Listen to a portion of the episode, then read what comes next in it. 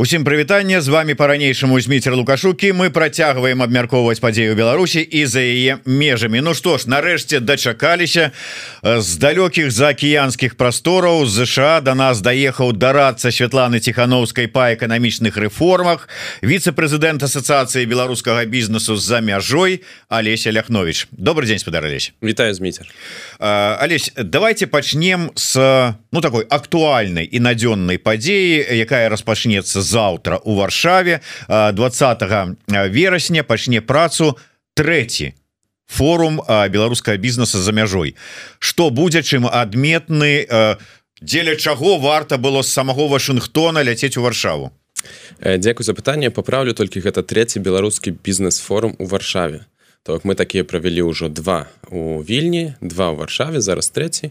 І плануем таксама праводзіць бізнес-форуме ў ЗША. Першы плануем у лютым у Вашынгтоне гэты варшаўскі. Чаму гэта важна?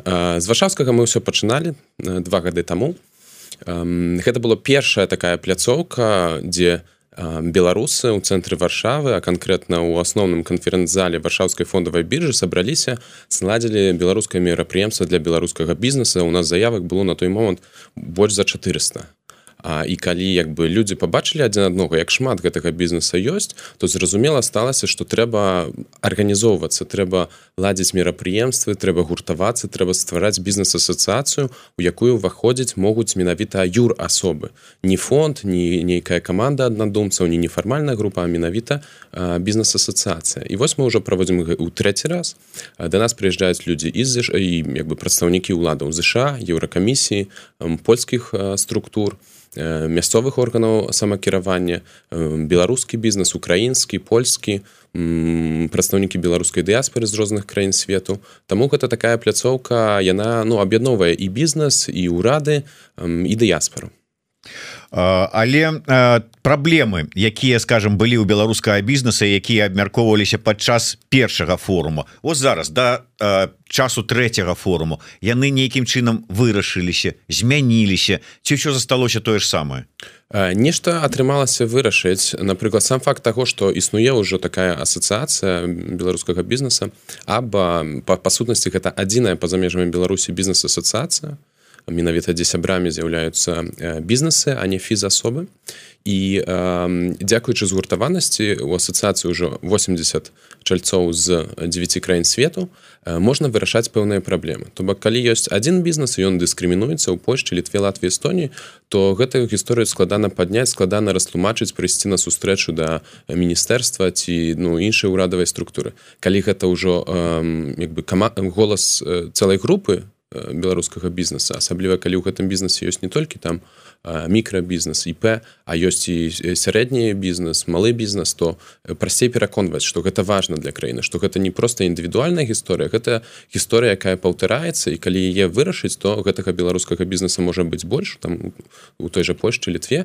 і ён можа хутчэй развівацца ствараць больш месцаў працы даваць больш падаткаў дзяржавы ну і такім чынам развівацца то бок гэта сітуацыя такая win-win якая карысная ўсім бакам тым не менш самое актуальное для беларускага бізнеса ну, праблема пытання на сёння я бы назваў дзве першая гэта безумоўна легалізацыя то бок мы ўжо бачым што ёсць розныя краіны у якіх мы зараз вядзем гэтую гутарку ў Польшчы але у Польшчы Польшча найбольш Мабыць лаяльна ставіцца да беларускай дыяспоры і, і беларусаў і беларускага бізнеса. Але ёсць іншыя краіны там напрыклад Чэхія Эстонія Латвія дзе сітуацыя больш складаная у літве таксама не все лёгка і то бок пытанне легалізацыі як перавесці сваіх сваякоў супрацоўнікаў калі яшчэ засталіся ў беларусі. Ну вось з гэтым ёсць пэўныя складанасці надалей.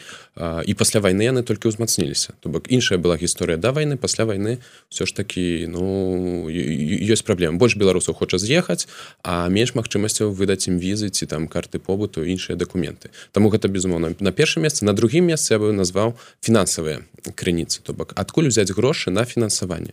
Бізнес які развіваўся ў беларусі ён там меў крэдытную гісторыю то бок мог бы набіраць новыя крэдыты ён меў там нейкую нейкія свае актывы то бок мог пакідаць іх под залог і атрымліваць фінансы фінансавання многія бізнесы якія з'ехалі пасля два яны вымушаны былі з'язджаць самі людзі без сваіх актываў актывы маглі заставацца пад арыштам альбо няма магчымасці прадаць. Зараз пасля таго як рэжым ввёў вось гэтыя змену з даверанасцямі то людзі ўвогуле ўжо не могуць прадаць актывы ў беларусі без вяртання ў беларуся там вядома можа пагражаць небяспека.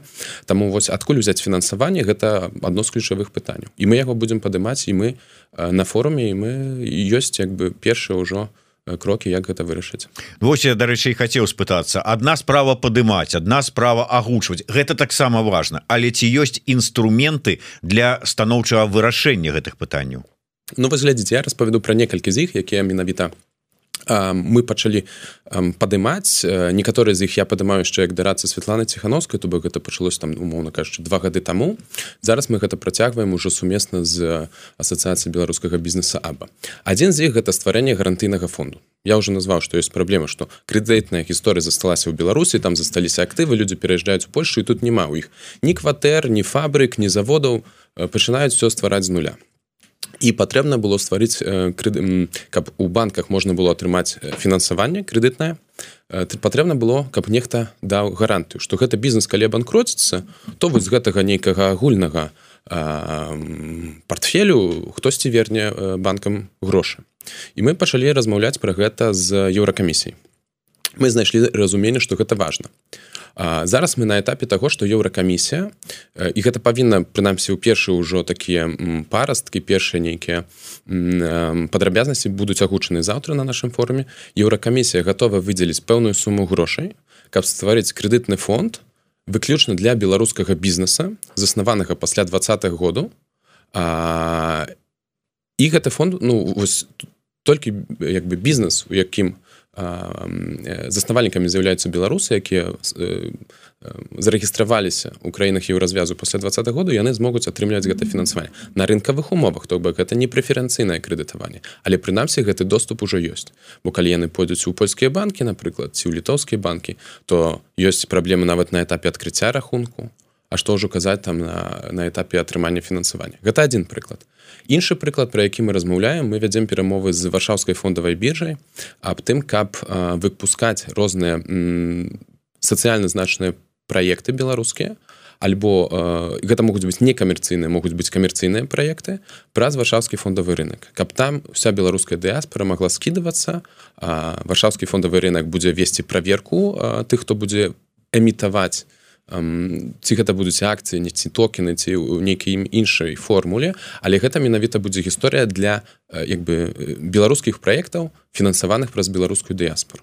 Гэта другі прыклад як можна вырашаць такія фінансавыя пытанні. Ну і трэцяе вось насам нават на гэтым форме нас будзе панель прысвечана дыскусійная панель прысвечаная фінансаванню і там будуць выступаць вось і прадстаўнікі польскага банку развіцця. Гэта той хто звычайна ў Польшчы адказны за такія вось крэдытныя не крэдытныя гарантыйныя фонды.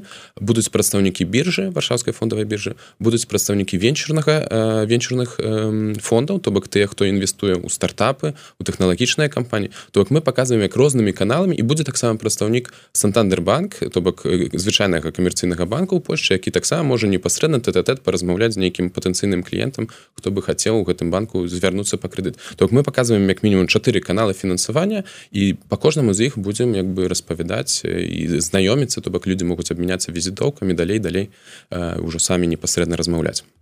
Алесь у мяне вот пах і слухаю вас і адразу два таких пытанні ўзнікла. Першае но ну, оно такое трагічнае вельмі пытанне. Вот вы зараз рассказывалі про еўракамісію. Ну еўракамісія гэта ж лічыце ўжо збіты лётчык пасля того як як это ён напісаў лідар дэмакратычных сілаў Беларусі цыпкала падаў на еўракамісію суд. Ну что і які ўжо лёс яе чакае?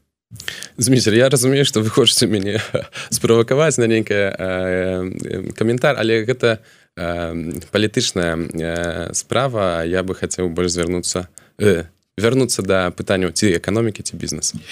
Не поддаўся на правакацыю ладно пытанне іншае вы сказали про дыаспора скидывается. Слухайте Ну а, да марафон солідарнасці які недавно праводзіў ось дэмакратычныя сілы показаў что беларусы здольныя скидываться. Але беларусы пакуль что не знайшлі ў сабе маральных там фінансавых ці якіх іншых сіл каб фінансаваць свае дэмакратычныя структуры. Той же самы офіс ці аб'яднаны кабінет ці каго яны б там галасаваннем вырашылі фінансаваць А вы кажаце про фінансаванне біц бізнеса вы верыце в эту сапраўды?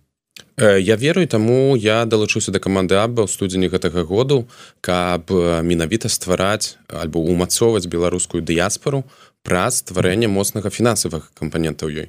Я веру што не дэмакратычныя сілы не дыяспора не могуць існаваць калі яны будуць і не могуць быць моцнымі калі яны будуць фінансавацца выключна за кошт грантаў ад ну, не беларускіх структур. То бок беларускія школы беларускія універсітэты неважна у беларусі ці на выгнанні беларускія партыі беларускія іншыя нейкія структуры яны павінны фінансавацца самі самымі беларусамі. Калі з беларусі гэта зрабіць складана любы данат як бы можа быць разгледжаны і чалавек можа пацярпець ну то трэба акумуляваць гэтыя ресурсы ў дыяспоры і балазе зараз беларусаў вельмі шмат у дыяспоры трэба выкарыстоўваць гэты момант каб людзі заставаліся як бы ну, вернымі актыўнымі дзячамі дыяспоры а не асіміляваліся Таму менавіта цяпер той час калі трэба гэта рабіць не пазней праз 15 гадоў ці там 50 і спадзявацца што гэта ўжо зробіць беларуская дыяспора менавіта цяпер пакуль гэтыя людзі толькі з'ехалі і яшчэ у іх ёсць выбор там аддаць дзяцей у беларускую школу ці ў польскую аддаць іх там не ведаю да беларускамоўнай няні ці польскамоўнай так ну вось гэта вельмі важно вам не падаецца что чым глыбей беларускі бізнес уваходзіць там у польскі там еўрапейскі там амерыканскі рынок чым шырэй ён тут развіваецца чым глыбей каб бы пранікае ва ўсю эту бізнес-структуру тым менш шансаў что яны вернуцца пасля пэўных там змены падзеяў падзення рэжыма. Я думаю гэта гучыць лагічна і хутчэй за ўсё Ну гэта адпавядае таксама маім думкам што чым больш бізнес застаецца за мяжой ты меншая верагоднасць што ён вернецца менавіта той заснавальнік кампаніі але гэты бізнес можа открываць у беларусі у новай беларусі ўжо открываць свае філіялы ён можа удзельнічаць у прыватызацыі ў беларусі ён можа інвеставаць у Беларусь. То бок умоўна кажучы надалей за зарабляць там у ЗША зарабляць у Польшчы ў літве але частку грошай персанальных альбо кампаній інвеставаць у беларусі. І гэта для беларускай эканомікі будзе карысна. Першымі інвестарамі ў новай Беларусь пасля распаду гэтага рэжыму пасля змены ўлады дэмакратызацыі гэта не будуць нейкія там амерыканскія кока-кола ці міжнародныя э, структуры. Гэта будзе менавіта будуць кампаніі з беларускімі каранямі альбо людзі якія ўжо раней ведалі пра Беларусь то бок гэта вельмі важна. І э, нават калі беларускі бізнес ці беларуская дыяспора Ну, не ўсе вернуцца. Безумоўна не ўсе многія нават не вернуцца. Але яны застануцца амбасадарамі інтарэсаў беларусі ў свеце то бок яны будуць заахвочваць каб той жа еўразвяз хутчэй подпісваў дамовы з беларусю каб ЗША хутчэй здымала санкцыі з беларусі. Мы кажам уже пра новый Беларусь Таму не трэба гараваць что зараз вельмі много беларусаў з'язджае яны ніколі не вернуцца. Яны іншым чынам запрацуюць на на Э, нашу будучыню. Давайте мы пакуль что э, закрываючы тэму заўтрашняга форуму э, яшчэ одно пытанне. Дарэчы э, мы плануем э, наведаць бізнес-форум э, і Мачыма нават зладзіць адтуль стрым з цікавымі людзьмі. Так вось э, якіх цікавых спікераў вы падрыхтавалі что можна там цікавага і ад каго пачуць. Ну і по выніку что вот асабіста вы Алесь чакаеце як вынік по по заканчэнні гэтага форуму у нас пацверджаных 30 спікераў і мадэратараў. Вядучым форума з'яўляецца вядомы беларускі кансферэнсе Дзяніс дудзінскі. На адкрыцці форума будзе выступаць Святлана ціхановская і Александр меленкевич заслужаныя беларускія дзечы выступаць будуць прадстаўнікі на у адной з панеляў двое прадстаўнікоў дзяржаўнага дэпартамента гандлю ЗША гэта адпаведнік міністэрства эканомікі для ЗША бо іх няма міністэрства яны называюцца дэпартаментамі і падчас форума будзе падпісаны мемарандум аб інстытуцыйнай супрацы паміж абба і дэпартаментам гандлю дзе будуць распісаныя канкрэтныя крокі у якім часе што мы будзем рабіць разам. У тым ліку дэпартамент гандлю дапаможа нам арганізаваць наш першы беларускі бізнес форум у Вашынгтоне але таксама дапаможа нам контактамі у тым ліку напрыклад з аддзеламі American Chamber of Commerce у розных краінах свету гэта ну, такая бізнес-асацыяцыя амерыканскага менавіта бізнеса вельмі моцная вельмі з буйной гісторыі то бок вось гэта канкрэтны дакумент і канкрэтная справа а не просто дыскусійная панель. Падпісання мемарандума аб супрацы іншыя рэчы якія мы плануем мы напярэдадні форума агучылі напрыклад збор сродкаў на канкрэтную на канкрэтны сацыяльны праект падтрымку Саша Аўдзевіча і яго каманды інклюзіўны барыста мы падве падзякуем усім удзельнікам хто далучыўся і як бы распавядзем пра гэта. У нас адна з апошніх панеляў гэта панель на якой розныя спікеры з пяці прыкладна краінаў Еўропы будуць распавядаць пра поспехі беларускага бізнесу ці ўвогуле поспехі родам з беларусі. І будуць удзельнічаць даволі вядомыя людзі такі як Дмітрий навоша Александр курш каўшынаў з фірмы гуртам вядомай ці кампаніі будуць таксама не беларускія спікеры.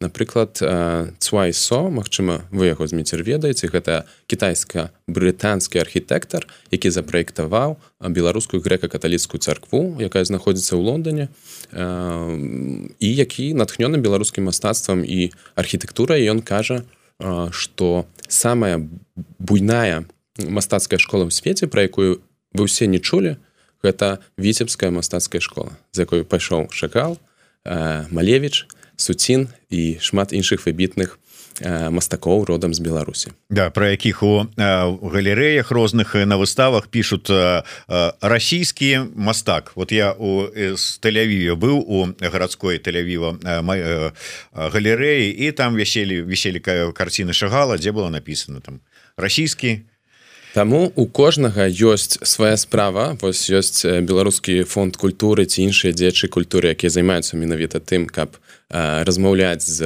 дырэкцыяй розных музеяў тэатраў выставаў пра тое каб як правільна падпісваць карціны ці іншыя наши ну наши ці міжнародны сусветныя сусветную спадчыну але каб там менавіта было пазначана што гэта беларуская справа. І ну а ў бізнесе ёсць там іншыя мэты так? Менавіта гуртавацца каб бізнес адчуваў гэтую сувязь і фінансаваў таксама беларускія проекты гэта вельмі важна. Бо бізнес гэта не толькі пра зарабленне грошай гэта таксама пра сацыяльную адказнасць. Безумоўна. І зараз у мяне будзе пытанне такім чынам. Я просто яшчэ раз а, хто зарэгістраваўся не не забудьте что заўтра вам трэба ісці на бізнес-форум. Хто не паспеў сачыце там за інфармацыяй за трансляцыямі. Не ведаюце можна там уже просто говорится с вуліцы потрапіць будзе. На жаль у нас не будзе онлайн-трансляцыя трансляцыя але самыя ключавыя прамовы мы будзем запускаць адразу соцсеткі. Соцсеткі асацыяцыі беларускага бізнеса аба я не ведаю ці можна попросіць вывесці. Можна конечно мы зараз попросім нашего сммщика дайте калі ласка спасылочку на соцсеткі телеграм-канал аба там іншыя якія ёсць соцсеткі каб людзі хто цікавіцца мог сачыць за так. гэтымі выступамі. І я зараз звярнуся до да Алеся Алехновича як да віце-прэзідэнта беларускай э, асацыяцыі беларускага бізнеса за мяжой. Вы сказали про ось э, неабходнасць гуртавацца А у мяне такое адчуванне что і беларускі бізнес нападкала тая ж самая хвароба что і дэмакратычныя сілы Беларусі. Э, не абышло іх вось гэтае там нейкі падзяленне скандалы разборки інтрыгі расследавання кажуць. Что адбылося ўсё ж таки с асацыяцыя беларускага бізнеса з іншымі прадстаўнікамі беларускага бізнеса нейкіх асацыяцый таксама вот гэты падзел ёсць канфлікт вычарпаны с кныровичам памірыліся Ну у меня асабіста няма канфлікту ні са спадаром кныровичам ні з іншымі арганізацыямі ці людзьмі пра якіх вы падумалі самой асацыяцыі таксама ніякага канфлікту не адбылося у адрозне ад некаторых арганізацый беларускага дэмакратычнага руху. То бок самой аба няма ні расколу няма ні падзелу у нас на дадзены момант камандзе працуе 9 людзей на пастаяннай аснове а, і таму гэта больш пытанне пра тое што у адным асяроддзі ёсць розныя арганізацыі розныя э, не, там нефармальныя групы розныя асобы якія маюць розны погляд на тое як правільна развіваць беларускі бізнес. Напрыклад у абы есть даволі высокія маральныя этычныя каштоўнасці якія нам не дазваляюць працаваць з любым беларускім бізнесам то бок мы не працуем на колькасць нам не ва мы не хочам як бы расці за кошт таго уключэння просто любога бізнеса А ёсць арганізацыі, якія гатовы супрацоўнічаць з любымі кампаніямі, то ліку кампаніі, які ладзяць у Маскве інвестфорумы пад ігідай лукашэнкаўскай амбасады ў Маскве. І для нас гэта непрымальна і мы такія рэчы агучваем, Таму што калі гэта э, станецца публічным, калі э, такія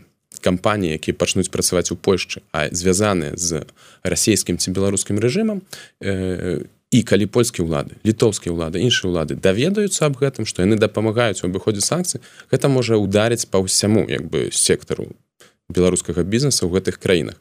Могуць быць праблемы ізноў жа з візамі могуць быць праблемы з банкаўскім сектарам іншымі. І таму каб гэтага не было не было такого удару А вы ведаеце былі такія выпадкі калі там не ведаю беларускія бізнесы дапамагалі набываць дроны для беларускага рэжыму. Былі зарэгістраваны ў лютве і прадавалі гэта правильно і быў э, скандал публічны калі гэта як бы выходила э, на ну, у паблік. І таму каб такога не было э, мы вырашылі некаторыя з гэтых рэчаў публічна агучыць. Ну і з гэтага ўсё пачалося. Ноось вы не згодны э, працаваць з любымі Ну ці скажем по-простому з абыкім і для гэтага ёсць пэўная такія методыка верыфікацыі бізнеса але па-першае той же самы узгаданы нами кнырович пачынае абурацца тым сэнсе что А что за крытэрыі верыфікацыі А хто вам как бы даверыў гэтым займацца.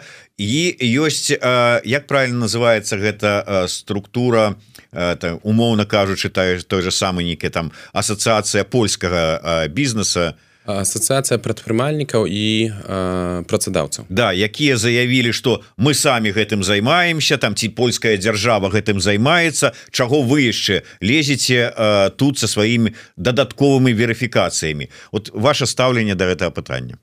Глядзіце каб адказаць на гэта пытанне і вы мяне спыніце калі раптам я перастану адказваць на яго але я хочу вернуться на крок раней. Я уже сказаў что аба з'яўляецца адзінай беларускай асацыяцыяй па-за межамі беларусі створанай менавіта ў форме асацыяцыі то як беларусы стварылі і уступіць туды могуць выключна белару юрасоба зарэгістраваныя у цывілізаваных краінах свету у нас паводле статута гэта краіны Еўропы і паўночнай Амерыкі якія былі заснаванымі грамадзянамі беларусі у мінулым то бок нават калі лукашенко забраў пашпарт все роўно для нас гэта грамадзянин беларусі няма больш такой асацыяцыі вы назвалі польскую асацыяцыю так? Але я кажу что беларуская бізнес-асацыяцыя па-за межамі беларусі вось ёсць толькі аба такой форме. Ва ўсём ва ўсім свеце уключна з беларусю аба з'яўляецца адзінай пра беларускай ці бел, нацыянальна арыентаванай беларускай бізнес-асацыяцыі. Толькі мы прызнаем наши нацыянальныя сімвалы бел чырвона-белай сцягер пагоню мы прызнаем Светлану ціхановскую за нашага нацыянальнага лідара. Ўсё справаводства аба і працоўнай мовай зносіна ўнутры калектыву з'яўляецца беларуская мова. Пераклад наших форумаў іншых публічных мерапрыемстваў мы робім на беларускую і з беларускай мовы. І гэтак далей гэтак далей. То бок гэта нас адрознівае ад любых іншых гульцоў на гэтым ну гэтым у гэтай сферы. Гэта раз. По-другое мы публічна мы публічна падтрымліваем вось ідэю того что нельга весці бізнес з афіліяванымі структурамі ці то рэжыма лукашэнкі ці рэжыма пуціна ці тымі хто падтрымлівае вайну ва ўкраіне. І дзеля гэтага у нас ёсць кодекс бізнес-этыкі каб вступіць або трэба яго запоўніць подпісацца что вы супраць войны что вы не падтрымліваеце э, не дапамагаеце ў абыходзе санкцыяў вы не падтрымліваеце рэжымы лукашэнкі Пуціна. Вы ў прынцыпе ў будучыні хацелі бы вярнуцца ў Беларусь так? Вось гэта наш кодекс бізнес-этыкі. Ну там яшчэ ёсць нейкія моманты. Верыфікацыю мы робім выключна наших як бы чальцоў асацыяцыі то бок мы не ствараем сістэму якая верыфікуе зараз у Польшчы прыкладна 6 тысячаў юр асобаў заснаваных грамадзянамі беларусі і прыкладна 18 тысячаў іп то бок фіза асобаў якія маюць магчымасць весці э, камерцыйную дзейнасць. То бок 18 можна можна я можна я пераб'ю просто каб было удакладнення по подцягам нашай размовы. Атрымліваецца что калі мы гаворым про верыфікацыю то это верыфікацыя тых хто прыйшоў і кажа я хочу быць чальцом аба то есть гэта не тое что приехаў чалавек хоча открыть э, нейкую там свой бізнес распачаць у Польшчы і вы по сваёй ініцыятыве праводзіце яго верыфікацыю потым прыходзіце умоўна кажучы у міністэрства там э, гандлю польскі і кажаце не давайте ему магчымасць тут працаваць тому что у яго там не ўсё чыста ў біяграфіі то есть такого няма. Не. І я думаю ну адно з неразуменняў і нейкай канфліктасці яка раз таки ў тым як бы на абу нагаворваюць что яна займаецца верыфікацыяй усяго бізнеса і адтуль пытання як бы хто вам даў такое право а мы гэтым не займаемся. Я сказаў что толькі ў Польшы 6 тысячаў кампаній якія адчынілі адчынілі прынамсі одна асоба з беларускім пашпартам грамадзяне беларусі ёсць 18 тысяч іп беларускіх грамадзян 18 тысячаў бізнесаў гэта вельмі шмат. І калі палічыць таксама процент то можна сказаць что беларуская дыяспора яна вельмі актыўная вельмі крэатыўная вельмі прадпрымальная то бок звычайна там бізнесам займаецца ну умоўна кажучы там 3-5 процентаў грамадстве А у нас гэта атрымліваецца там парадка 18 процентаў ад тых хто пераязджае у Польшчы яны открываюць нават без крэдытных гісторый без актываў але яны не хочуць працаваць у найме яны не хочуць атрымліваць там сацыяльны бенефіты яны хочуць самі ствараць. Ну это фактычна інвестыцыі ў польскую эканоміку не толькі гэта інвестыцыя таксама ў сваё развіццё так Ну безумоўна але найперш у польскую эканоміку паколькі ты тут. найперш у сваё асабістае что чалавек не хоча чакаць калі яго найме там дядя цёця ці там будзе атрымліваць нейкі сацпакет ад дзяржавы пакуль не знойдзе працу. А ён бярэ і пачынае круціцца там фрилансерам не ведаю стартап шукае нейкага фінансавання сяброў сам бесплатно пачынае працаваць. Але тым не менш пачынае гэта рабіць. Таму гэта перадусім пра сябе. Вяртаючыся да вашага адказу то бок аба яна э, адрозніваецца вельмі моцна ад іншых арганізацыю няма другой такой падобнай. Верыфікацыя мы займаемся выключна сваіх сяброў. І чаму гэта сяброў по-беларуску гэта маецца на увазе чальцоў асацыяцыі. Чаму гэта важно тому что мы ставім сваю рэпутацыю калі мы працуем падтрымліваем наших мембараў іх зараз 89 краінах свету тым ліку ў ЗША то мы як бы свой аўтарытэт ставім под тое что гэтыя мембары все яны сумленныя і яны этычна ну, вядуць свой бізнес. Калі б так не было і раз ці два мы бы адстойвалі інтарэсы не сумленнага беларускага бізнеса на для да нас ужо не ў польшчы не ў літве не ў зышанні ў іншых краінах не было б даверу. Таму для нас вельмі важна каб перад тым як э, патэнцыйны кандыдат на ўступленне ў асацыяцыю каб ён спачатку прайшоў вось ну такую этап праверкі і гэта этап праверкі складаецца з некалькі элементаў якія ёсць прапісаны на нашым таксама сайте мы аб гэтым абгавораем з патэнцыйным кандыдатам на ўступленне то бок это ну, больш-менш адкрытая крыніца інфармацыі Алеся вам э, вас крыху ну не то что не здзіўляе а не крыўдзіць э, ну там ці не насцярожвае тое что вот вы колькі назвали 18 тысяч э, беларускіх розных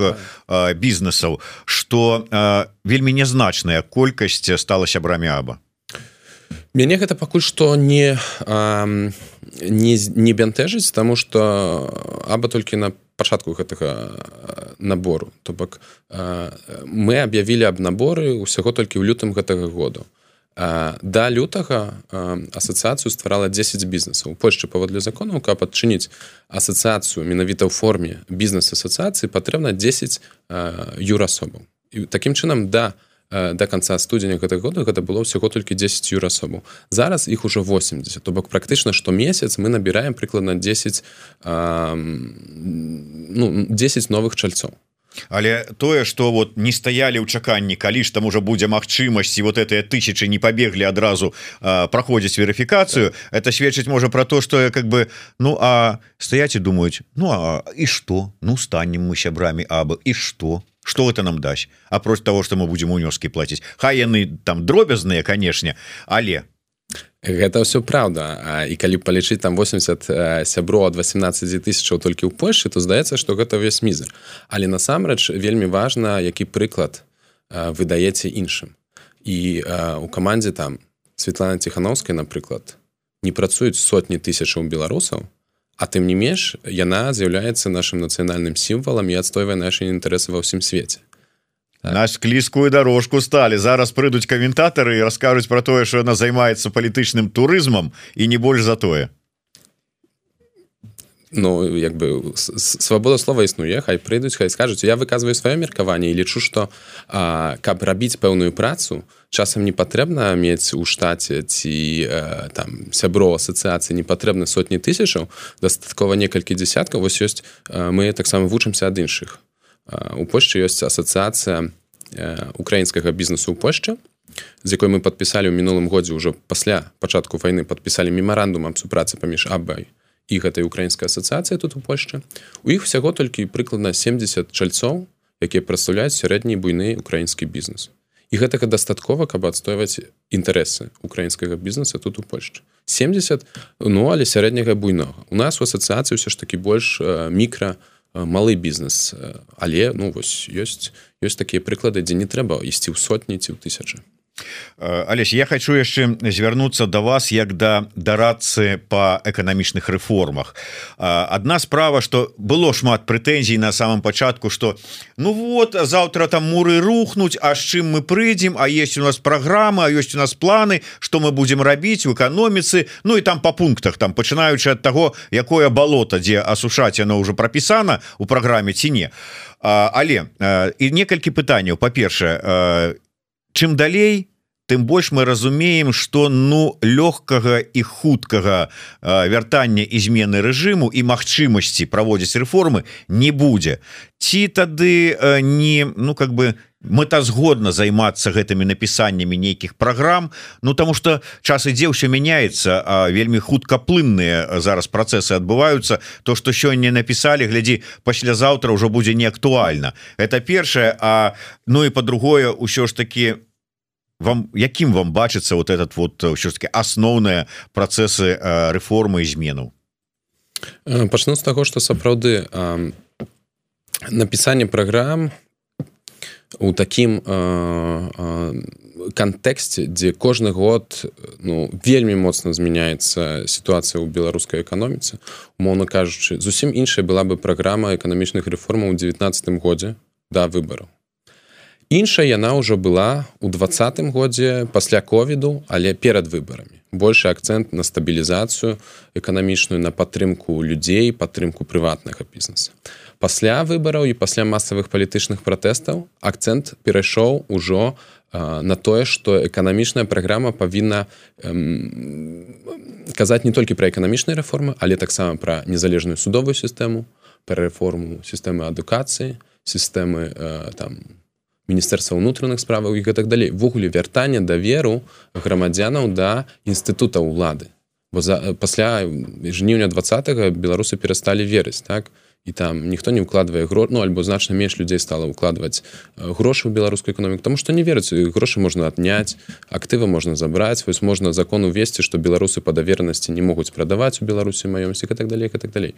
Пасля вайны сітуацыі яшчэ іначай змянілася. То бок калі да вайны базовым сцэнаром для многіх беларускіх эканамістаў было тое што Росія ўсё ж таки не ўвела бы эмбарга на гандаль з беларусю у тым ліку энергетычны гандаль з беларусю калі бы беларусі пачаліся дэмакратычныя працэсы. Таму таму што такім чынам Росія бы пахавала праект еўразэс еўразійскай эканамічнай эканамічнага звязу то пасля вайны мы разумеем что ну крамлю наплеваць на ўсе гэтыя дамоўленасці і з лёгкасцю Росія можа такое зрабіць і таму напрыклад для мяне цяпер базавы сцэнар пасля змены ўлады на дэмакратычную ўладу ў беларусі гэта закрыццё і энерга потока ў Беларусь то бок экспарту з рассіі газу і нафты але магчымае таксама закрыццё ўвогуле межаў на гандаль тавар іншымі таварамі не энергетычнымі паслугамі паміж беларусю рассей то бок для мяне вось гэта цяпер базавы сцэнар і рыхтаваць эканамічную праграму трэба з улікам вось такой вельмі негатыўных стартавых умоваў. Таму я гэта просто показываю что кожны год у нас нешта радыкальна мяняецца і кожны год можна пісаць ну альбо крыху іншую праграму альбо цалкам іншую праграму. Таму акрамя самога напісання вельмі важна развівацца і самому ствараць каманду. У нас у эканамічнай камандзе ёсць 6 чалавек якія з'яўляюцца спецыялістамі ў розных галінах эканомікі ў розным сферах. Ёсць і ў энергетыцы ёсць і ў зялёнай эканоміцы ёсць і ў банкаўскім сектары па тэме прыватызацыі по тэме пенсійнай рэформы і гэтак далей то бок ёсць розныя людзі А мы перыядычна падарожнічаем па розных краінах свету вывучаючы досвед рэформ напрыклад 21 годзе мы пабывалі у славачыне і вучыліся ад тых славацкіх рэфарматараў якія праводзілі гэтыя рэформы ў сваёй краіне. А у ліпені гэтага году я быў у Грузіі два тыдні на місіі з сусветным банкам вывучаў досвед грузінскіх эканамічных рэформаў у наступным годзе мы плануем часткай эканамічнай каманды паехаць в эстонію і паглядзець як там напрыклад развівалася і рэформа адукацыі і рэформа дзяржаўных структур кіравання як яны перахадзілі на так званы government то бок электронныя паслугі у дзяржаўным сектары. То, то акрамя самога напісання вельмі важна таксама вучыцца вучыцца ад лепшых. І мы ну стараемся гэта рабіць па меры сваіх магчымасцяў вельмі абмежаваных. Э, Олесь вот э, хотелось просто один я разумею что часы меняются и меняются как бы что э, найперш зараз актуальна але я прыгадываю 90-е годы калі краіны балты отдзяляліся от Советского союза першымі от тагачаснага яшчэ. І им сказали что мы вам створым энергетычныя проблемы і вы замерзнете на что кіраўніцтва бал краінаў балты сказала сказали что свобода и незалежнасць вартыя того каб троху памёрзнуть яны мёрзлі яны вельмі дорага плацілі за энерганосьбіты але яны выстаялі. Ёсць разуменне того что калі узнікне такая сітуацыя что нам варта будзе рэзаць по жывому вось гэтыя сувязі с расійскай імперыяй что трапім у тую ж самую залежнасць. Я разумею что вот зараз калі вайна ва ўкраіне актыўная фаза пачалася узнікла пытанне энергетычнай залежнасці Еўропы ад Росіі вырашылі хутка не так як у 90-е гады з краінамі Балты але Беларусь іншая справа ці не? Вот пытанне энергетычнай бяспекі. У нас у эканамічнай камандзе есть спецыяліст по энергетыцы. Ён таксама адначасова з'яўляецца кіраўніком дэпартаменту энергетыкі арганізацыі iSense. І Ён ужо пралічыў тое што можна зрабіць у выпадку розных сцэнараў развіцця падзей у тым ліку на ад найбольш негатыўнага то бок э, поўнага адключэння паставак газу і нафты з рассеі ў Беларусь. Што можна зрабіць? Якія газасховішчы нафтасховішчы можна выкарыстаць? А, як можна реверсна пастаўляць? Па чыгунцы з балтыйскіх партоў? Реверсна па а, нафтавых трубаправодах якія у прадпрыемствы можна напрыклад часткова прыпыніць. Напрыклад ну, адным з найбольшых спажыўцоў газу з'яўляецца гродна азот. Так то бок каб у першую чаргу газ і нафта былі выкарыстаны на патрэбы звычайных грамадзян і найбольш патрэбных прамысловых іншых кампаній то якія іншыя кампаніі можна часова прынамсі абмежаваць ну іх дзейнасць бо гродна азот там 90 процентов ці, ці нешта каля таго сваёй вытворчасці пастаўляе на на экспорт так? То бок гэта не пра тое каб як бы беларусы і беларускай кампаніі маглі развяцца то бок гэта можна на нейкі момант у таких вельмі неспрыяльных умовах можна часова ахвяраваць. То бок ёсць канкрэтны план ёсць разуменне як можна выстаяць вось такой вельмі ну агрэсіўнай палітыцы рассею на кірунку беларусі. І ёсць разуменне что беларус выстаяць то бок ніхто не загіне ні ад холаду ні ад голаду і прадпрыемствы будуць працягваць працу але мы вельмі любім разважаць про тое что ну і в прынцыпе это рэчаісны что і санкцыйная палітыка і тое як что адбываецца зараз у эканоміцы Беларусі прывядзе до того что праз пэўны час ну выпаленая будзе не толькі палітычнае поле але эканамічная шмат кажуць про тое что вот эканоміка там памірае у Беларусі гэтак далей. З іншага боку мы глядзім ну здаецца уже как бы і не то что не памірае а і нейкіх сілаў набіраецца паступова а як так э, прызвычаивается до гэтых санкцый знаходзіце новыя магчымасці. Что адбываецца сёння? Вот ваш погляд что адбываецца с эканомікай Беларусі? Ну, сёння адбываецца стагнацыя якая працягваецца. Яна пачалася до да 20 -го году прыкладна з 12 -го году тэмпы эканамічнага э, росту ў беларусі яны ніжэй за один процент штогод мы ўжо там у одиннадцатым годзе у нас был один валютны крызіс у 15 16 быў эканамічны крызіс калі эканоміка падала у двадцатым яшчэ да выбараў эканоміка пачала падаць у 22 пасля пачатку вайны эканоміка ізноў падала. То бок эканоміка расце на 1 два три проценты потым падае на там 2 3 4 а часамі 5 процентаў і такім чынам калі паглядзець ужо больш за 10 гадоў то эканоміка не расце яна практычна стаіць у месцы тады калі наши суседзі Польша літва Латвія Эстонія іншыя краіны яны развіваюцца тэмпамі 3-4 проценты і калі паглядзець ну вось дынаміку то розніца яна ўжо там каласальная і сёння ні адзін паляк ні адзін літовец не пераязджаю Беларусь жыць і працаваць і там развівацца а беларусы ну масава едуць так? І толькі часткова гэта можна патлумачыць палітычнымі рэпрэсіямі а вельмі часта гэта э, магчымасць эканамі ну рэалізаваць свой патэнцыял то бок моладзь едзе ў польскія там вучэльні вучыцца а палякі не едуць у беларускай вучэнні і гэта паказвае наколькі вялікая розніца адбылася паміж нашымі краінамі. У 90-х годах напрыклад такога не было.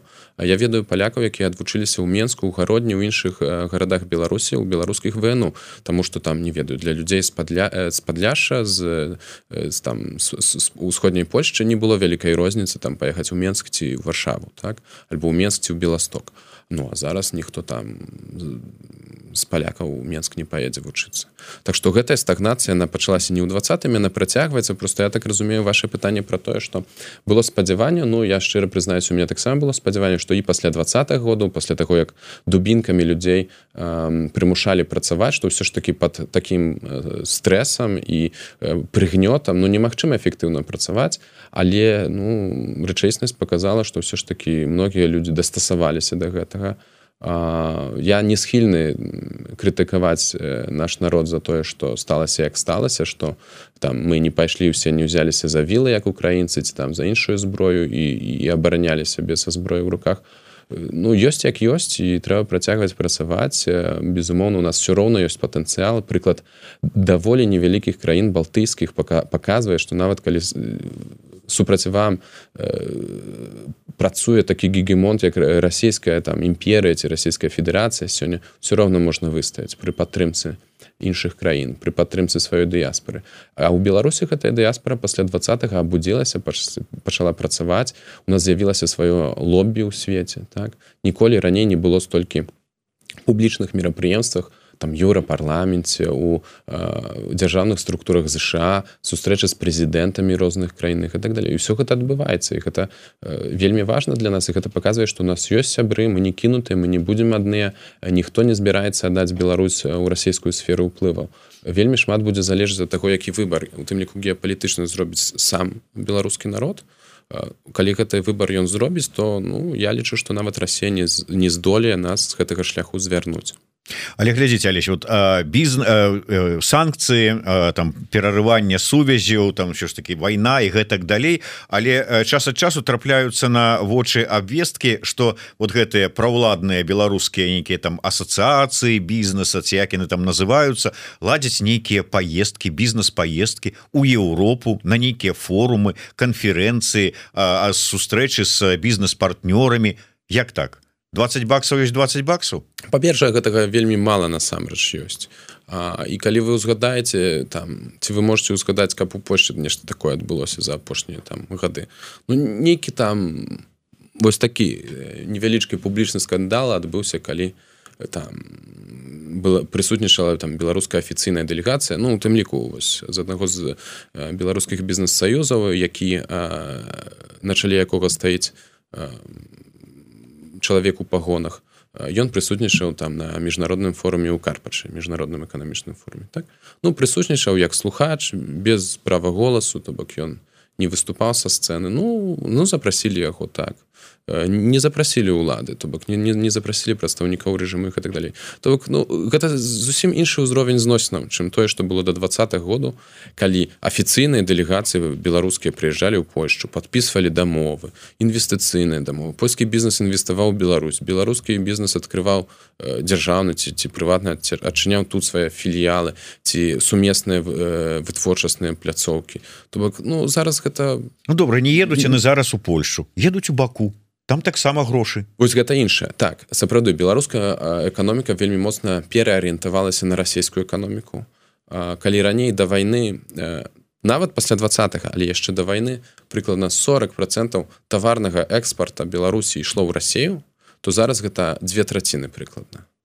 Две траціны ідзе ў рассею астатняе калі не ідзе ў рассею то вельмі часта ідзе праз рассею то каб паставіць у Кітай паставіць у Турцыю паставіць яшчэ ў нейкія краіны то ўсё роўна у Бразілію у Індыю ўсё роўна даводзіцца альбо праз расійскія порты альбо праз расійскую чыгунку гандляваць. І гэта стварае каласальную пагрозу для нашай э, бяспекі Таму што ну вось у момант X калі Беларусь вырашыць зрабіць выбор на карысць дэмакратыі на карысць эканамічных рэформаў еўрапейскай будучыні то ў рассіі будуць усе шляхі каб Беларусь шантажаваць.